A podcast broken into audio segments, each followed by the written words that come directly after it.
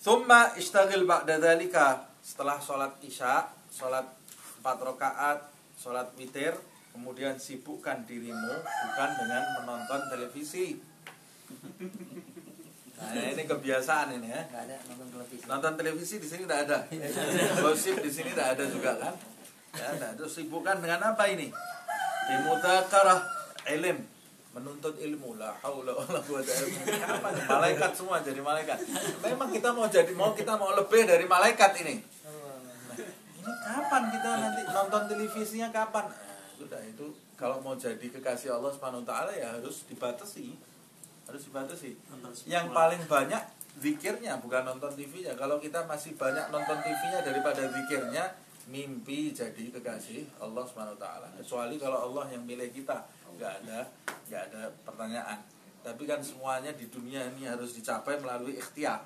Nah, ikhtiarnya kalau mau melamar Allah Subhanahu wa taala, lamarannya ini pakai zikir yang banyak, pakai sholat sunnah yang banyak. Kalau mau melamar Allah, melamar Allah nggak bisa dengan nonton televisi. Tidak diterima lamarannya oleh Allah Subhanahu wa taala. Kalau melamar Allah, wala yazalu 'abdi yataqarrabu ilayya bin nawafil. Lamarannya pakai sunnah.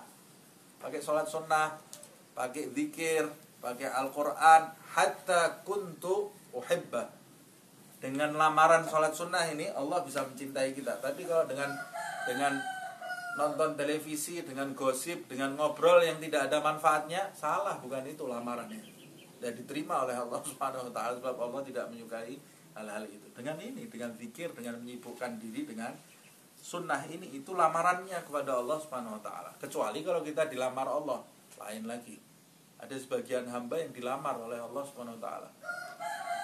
Dia dari lahir sudah dilindungi oleh Allah Subhanahu wa taala seperti para anbiya, para rasul dilamar oleh Allah Subhanahu wa taala. Ada sebagian para aulia melamar kita pakai ini, pakai ibadah-ibadah ini, pakai etika ini kita lakukan dalam kehidupan kita sehari-hari. Insya Allah kita termasuk orang-orang yang lamarannya tidak ditolak oleh Allah taala.